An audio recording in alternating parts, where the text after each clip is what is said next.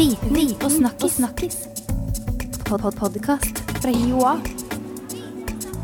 Viten og snakkis. Velkommen til en ny episode av podkasten Viten pluss snakkis. Podkasten som gir deg svar på det du lurer på.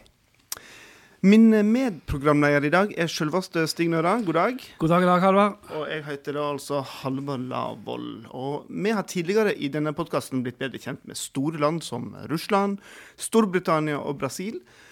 I dag skal vi bli litt bedre kjent med Colombia. Og hva er det, det første du tenker på når jeg sier Colombia, Stig? Det er dessverre narko Narko? Ja. og fredspris nå i det siste. Det er jo veldig aktuelt. Mm. Og med oss i studio har vi da Henrik Vik. Hei, Henrik. Hei på deg. Du er altså ekspert på Colombia og jobber på Niber her på høgskolen. Og hva var det første du tenkte på når du hørte at fredsprisen gikk til Colombia, og, og presidenten da spesielt? Da tenkte jeg å nei. Her kaster vi bort en gyllen mulighet til å bruke fredsprisen som en gulrot til å få alle parter til å fortsette forhandlingene. Og så noe kan strekke seg etter, så har vi fyrt det av nå. Det er helt greit å gi Santos eh, prisen. Han har gjort en kjempestor innsats for å få fred. Han hadde mulighet til å gå, fortsette krigen, men valgte en vanskelig ferd mot fred. Eh, Jeg vil også sagt at Timosjenko, også lederen for FARC, han har også godt fortjent prisen. Men av gode grunner, når det en gang ble nei i folkeavstemningen, så eh, kan det være god grunn til å ikke gi han den. Det viktigste er på mange måter at det kan risikere at han eh, blir nødt til å gå tilbake til jungelen og begynne å slåss og krige igjen. Og det ser jo veldig dumt ut å dele ut fredsprisen til noen som ligger i jungelen og skyter på regjeringen. Det går ikke. Og det kan skje når som helst. Og det andre er at på mange måter da vil man provosert veldig nei-siden, som har tross alt er flertallet. Og det er ikke tjent, eh, tjenlig for saken. Men tror du fredsprisen virker i motsatt retning? da? At, det, at det kan eh, virke negativt? Jeg var redd for det. Ja, ja, ja. Eh, Det viser seg at folk er egentlig litt indifferent.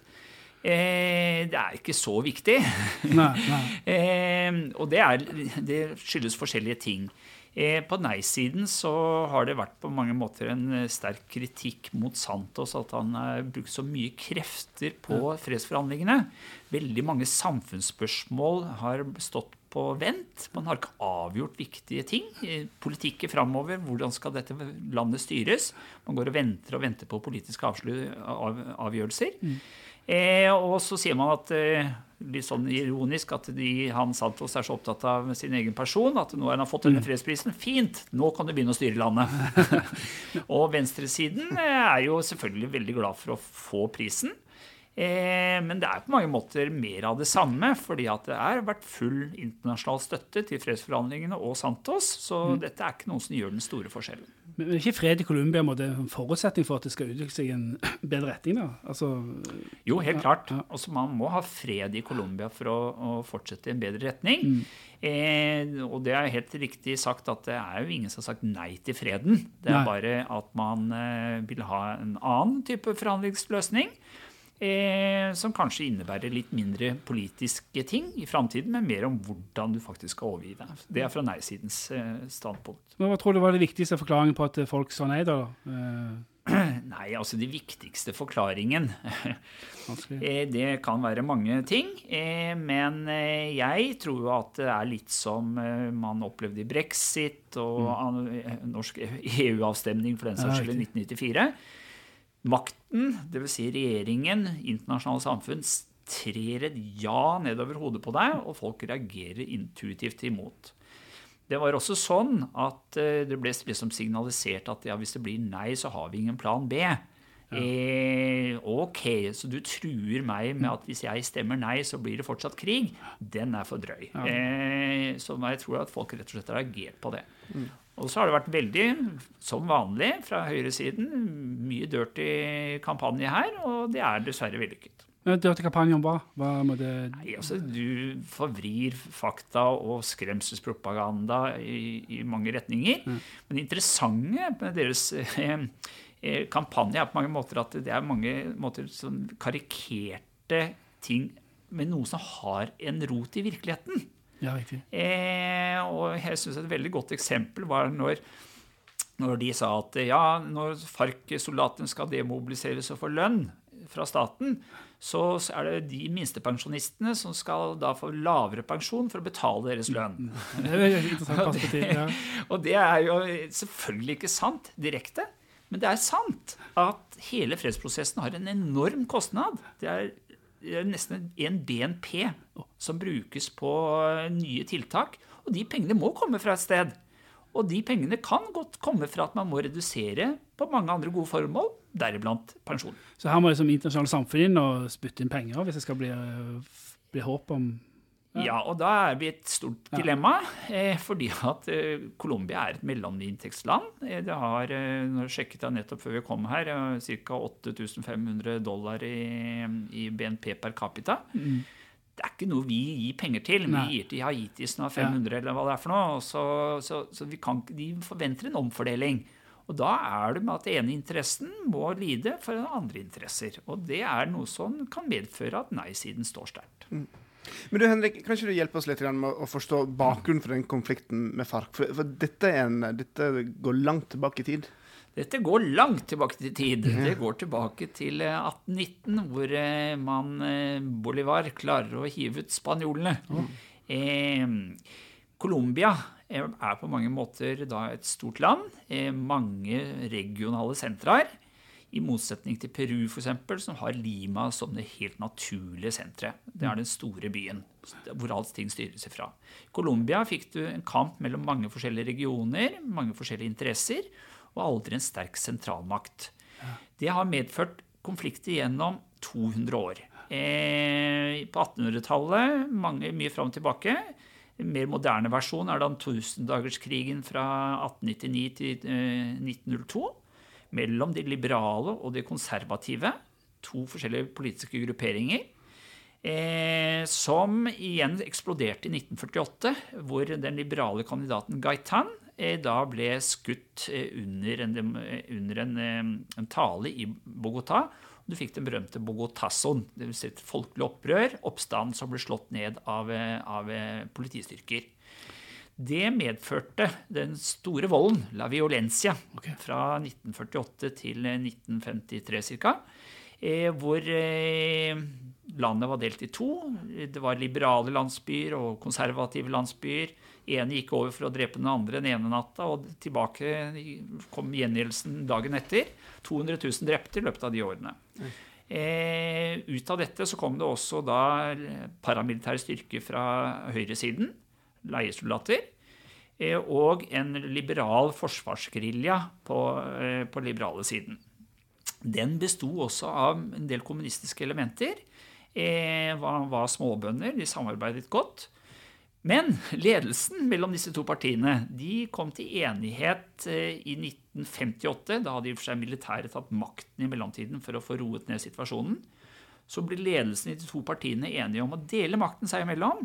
Så det var i grunnen ikke demokrati der for 20 år.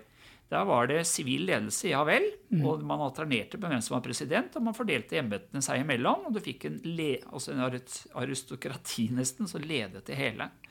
Eh, noen eh, småbønder laget egne små eh, republikker oppe i fjellet, som de styrte selv.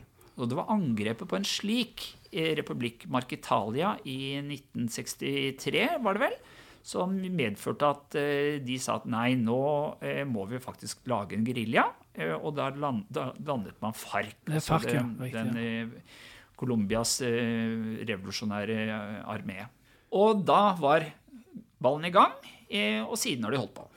Så det har egentlig vært konflikt der helt siden tidenes morgen? Tidenes morgen. Ja, da er det bare vanskelig å få fred igjen, skal man tro. Ja, og, og en av grunnene er på mange måter at eh, altså, Jeg syns det er veldig interessant det er på mange måter at eh, Colombia har vært et veldig fullt av konflikt, men et veldig rikt land.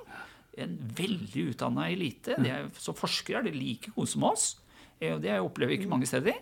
Eh, eh, de har eh, ja, altså veldig avanserte ting, og samtidig veldig stor fattigdom. Dette er regionalt fordelt, så det har hatt mange reell konkurranse mellom de forskjellige regionene. Det har medført at du får relativt høy produktivitet. Så jeg sammenligner med Peru, som har hatt en sterk sentralmakt og en kvelende effekt overfor hele samfunnet. på mange måter, For du har ikke fått en konkurranse. Altså, den Konkurransen har vært voldelig, men det har vært konkurranse. Der har hatt en sterk, lite konflikt, men en sterk sentralmakt. Poenget er at nå som Colombia blir en moderne stat, så ser man at denne voldelige konkurransen uten en sterk sentralmakt er totalt ødeleggende. For du får ikke fred, du får ikke investeringer. Og det har jo gått den motsatte veien i, i Peru. Der har man fått en nasjonal enighet om at nå skal vi ha konkurranse, fri konkurranse.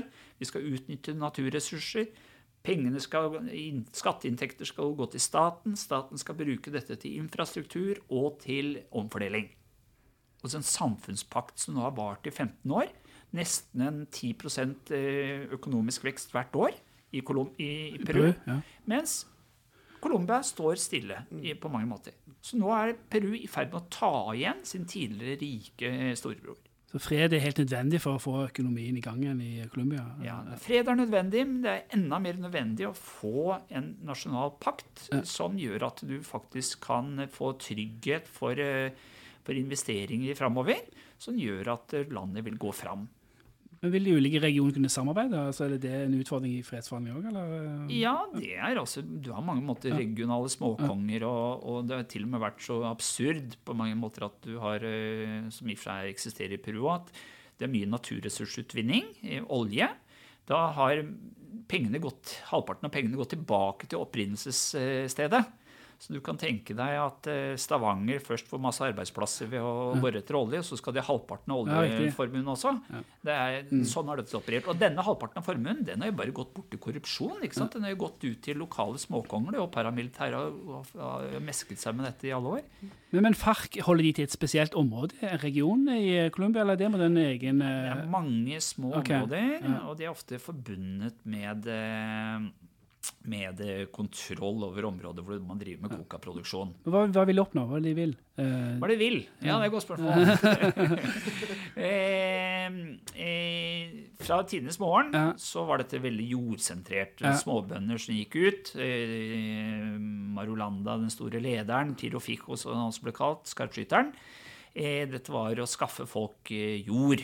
Eh, men nå er vi jo da 50 år seinere, og landbruk har kanskje mindre betydning enn det det var den gangen. Men man holder tilbake i, holder igjen denne symbolet, og dette er derfor er det veldig viktig, den første delen av, eh, av avtalen som kommer, som går på jord.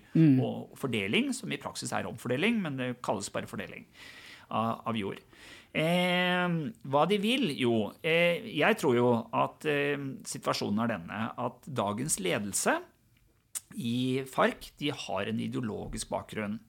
De er eh, venstreradikale, de er kommunister, de ble utdannet i gamle Øst-Europa eh, på 80-tallet. Eh, og kom tilbake og har steget gradene innenfor FARC.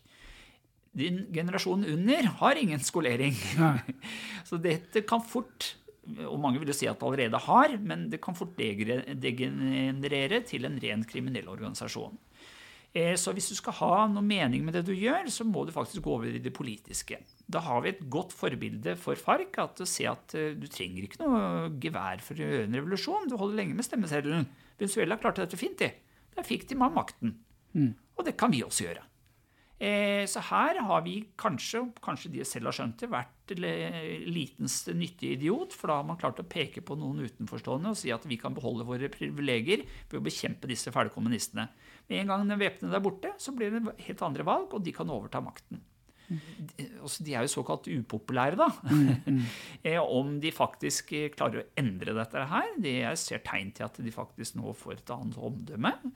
Eh, og de kan spille sammen med andre på venstresiden eh, og få i og for seg makt. Hvordan den makten vil håndheves, forhåpentligvis mye bedre enn Venezuela, for de har en helt annen kulturell bakgrunn, altså mye sterkere institusjoner og forståelse, så jeg tror det er en mye større treghet i å overta og degenerere hele samfunnsstrukturen, sånn som det skjedde i Venezuela. Eh, men man vet jo ikke. Og det er nettopp der eliten frykter så fryktelig, da. Hva tenker du om, eh, altså Halvard, du har sett mye på Narkos, den eh, serien du snakker mye om. Eh, Hva, hva var med kokainkartellenes betydning her? Hvordan henger det sammen? Nei, altså Det er jo ikke kartellene. Eh, altså, det interessante her er på mange måter at du har mange småbønder rundt om i Ja. Colombia. Og de dyrker jo det som du tjener mest på, og det er da coca. Så du har mange, mange små eh, plantasjoner Ja. som det er vanskelig å gjøre noe med. Du kan ikke sprøyte en, eh, en åker som er 10% coca og 90% mat. Det, det blir vanskelig. Eh, Så sånn har man tilpasset seg. Der har de kontrollen, så de i mange måter står for kontrollen av første leddet. Det, hvordan dette så videre omsettes, eh, det har ikke jeg egentlig gått så nærme inn på. Men jeg, det, har, er, det sies at man samarbeider med de paramilitære når det gikk for å få dette transportert ut gjennom kartellene osv. Eh, hvem er nå egentlig kartellene nå? Eh, det er jo på mange måter meksikanerne som Ja, egentlig ja. står for videretransporten til, eh, til, eh, til USA. Eh, samtidig så, så var det jo paramilitære veldig sterke på den siden. Så coca betyr veldig mye. Eh, det litt interessante her er jo mange måter at jeg så et tall nå at de kontrollerer FARC. Det er 40% av coca-produksjonen av småbønder. Eh, og det kalles for las massas, også de som jobber for dem og skattlegger til, til FARC. Eh, nå som de FARC skal da bli en, eh, en, en eh, demobilisere, så er man redd for at andre grupper skal gå inn i disse områdene. Ja, Spesielt for narkokrig, eller slags? Er rett og slett at her er det noen som har hatt makt. Plutselig blir det et maktvakuum. Og så de er jo, Småbøndene er jo interessert i å fortsette å produsere. Så kommer det da inn bandas kriminale, som det heter, altså etterkommerne etter paramilitæret. paramilitære. Ja. Eller Elen og andre, og så tar over Litt sånn Mexico-stil, ja. Ja. Men, men, og da tenkte jeg med en gang, da, som jeg diskuterte med andre, at eh, men hvorfor demobilisere FARC? Kan vi ikke bare putte på dem en annen uniform? Så kan de holde kontroll med området. Regjeringshær, ja. Ja. Så kan de holde kontrollen. Eh, og da fikk jeg fortalt at dette er politisk helt uakseptabelt. Men det interessante er at nå Uribes forslag, også høyresidens forslag, innebærer faktisk det. Ok. At det, FARC skal ikke nødvendigvis demobiliseres med en gang, men de skal ha kontrollen i området, og da vende seg mot sine tidligere støttespillere og si at nei, dette får du ikke lov til. Det er mange måter å også kvele med FARC politisk, Ja, antageligvis. Høres ut som en sånn kinkig greie å få til. Ja. Men eh, det er litt Irak-erfaringen. USA demobiliserte Bat eh, med en gang, istedenfor å få dem innunder sin kappe istedenfor. La oss se helt til slutt litt framover. Hva tenker du nå, nå framover det her? Nå, nå blir jo fredsprisen delt ut. Eh, det, jeg hørte på nyheten i dag om at eh, en, en fredsavtale eh, fortsetter litt til framover. Men, men hva skjer nå på kort sikt, og hva tror du skjer på lengre sikt? Nei, altså På kort sikt så er det jo sånn at eh, folk har sagt nei. Eh, venstresiden og FARC mener at eh, jo, avtalen kan allikevel implementeres. Det er jo egentlig bare å overkjøre denne nei-siden, eh, rent juridisk. Eh, vi tror jo at det ikke er så lurt, eh, for da kan du få i og for seg et annet valgresultat i 2018 og total omveltning. Så hvis du skal ha noe som varer, så må du søke en større koalisjon. Det er ikke noen annen vei utenom enn Uribe og eh, høyre side. Eh, de har, nå står jeg, jeg har ikke sett selve dokumentet, for jeg tror ikke de har frigitt det, men de har da utgitt 46 sider med krav. eh, og bok venstresiden, dette er jo helt avsindig, dette har jo ingenting med dagens avtale å gjøre, og dette er egentlig bare å starte på scratch, og dette blir håpløst. Så derfor så er det legitimt å bare overkjøre dem. Eh, jeg tror ikke det lar seg gjøre. Jeg tror at det i og for seg er mulig å komme fram til eh, en avtale. Og derfor ville jeg så gjerne hatt den der fredsprisen Som en gulrot. som en gulrot! Man har jo tenkt tidligere konflikt at man har gitt fredsprisen for å motivere til samarbeid. altså Israel Midtøsten. Ja. Det gikk så jævlig bra, da, men eh, vi har jo ja, nettopp. ja, Og det er derfor også jeg tror at motivasjonen ligger høyere ved en gulrot enn å ha allerede brukt opp kruttet, som jeg sier. Nobelskruttet. Tok Ja. dere den? Ja, ja. Eh, Eh, så eh, så eh, jeg tror at allikevel kan de komme fram til noe. Eh, men det er også mulig at alt bare blir hengende i stå fram til neste presidentvalg i 2018. For det er mange måter Antageligvis både Santos og Uribe er det det de sikter mot. Altså rett og slett fredsprisen, og, eller rett og slett fredsprosessen, kan brukes instrumentelt i forhold til presidentvalg eh, enn en, en å være et mål i seg selv. Men, men sånn helt til slutt, er du optimist? Ja, jeg er optimist. Eh, og jeg er optimist rett og slett fordi at uansett var jeg klar over at FARCs eh, innflytelse over landet har gått drastisk ned. Så det er utvikling og osv. Eh, det er infrastruktur og utbygging. Eh, det hadde gått så mye fortere hadde vi fått til en fred. Eh, men en, også en fred som er omforent, slik at du får vedvarende løsninger. Det er så klassisk i Latin-Amerika at den som har makten, trer en løsning over hodet på den som ikke har makt. Og så får du en endring i maktforholdet. Så svarer de andre med akkurat det motsatte mynt. Og så har du ikke noe vedvarenhet. Det er tross alt kjedelig med å alltid ha det samme. Men det er så mye mer effektivt. Det er ikke så nøye hva egentlig løsningen er, bare den vedvarer. Bare ja. Skal du, Henrik, skal du på i rådhuset under seremonien? Da får vi se om jeg blir invitert. Det kan være noen lytter til dette og jeg ikke er enig og ikke inviteres. Sånn er livet. Eh, dette var veldig interessant å, å, å lære mer om. Tusen takk for at du ville komme, Henrik Vik. Bare hyggelig. Da uh, takker vi til deg som uh, hørte på denne episoden av Viten og snakkis. Uh, hvis du har lyst til å abonnere på uh, podkasten vår, så kan du bare stikke innom uh, nettsidene våre blogg.hiva.no slash eh, viten og snakkes, og trykke abonner, så får du neste episode direkte ned i podkastspilleren din. Ha det bra. Ha det bra. Viten og snakkis. snakkis. Pod -pod Podkast fra Joa. Viten og snakkis. snakkis.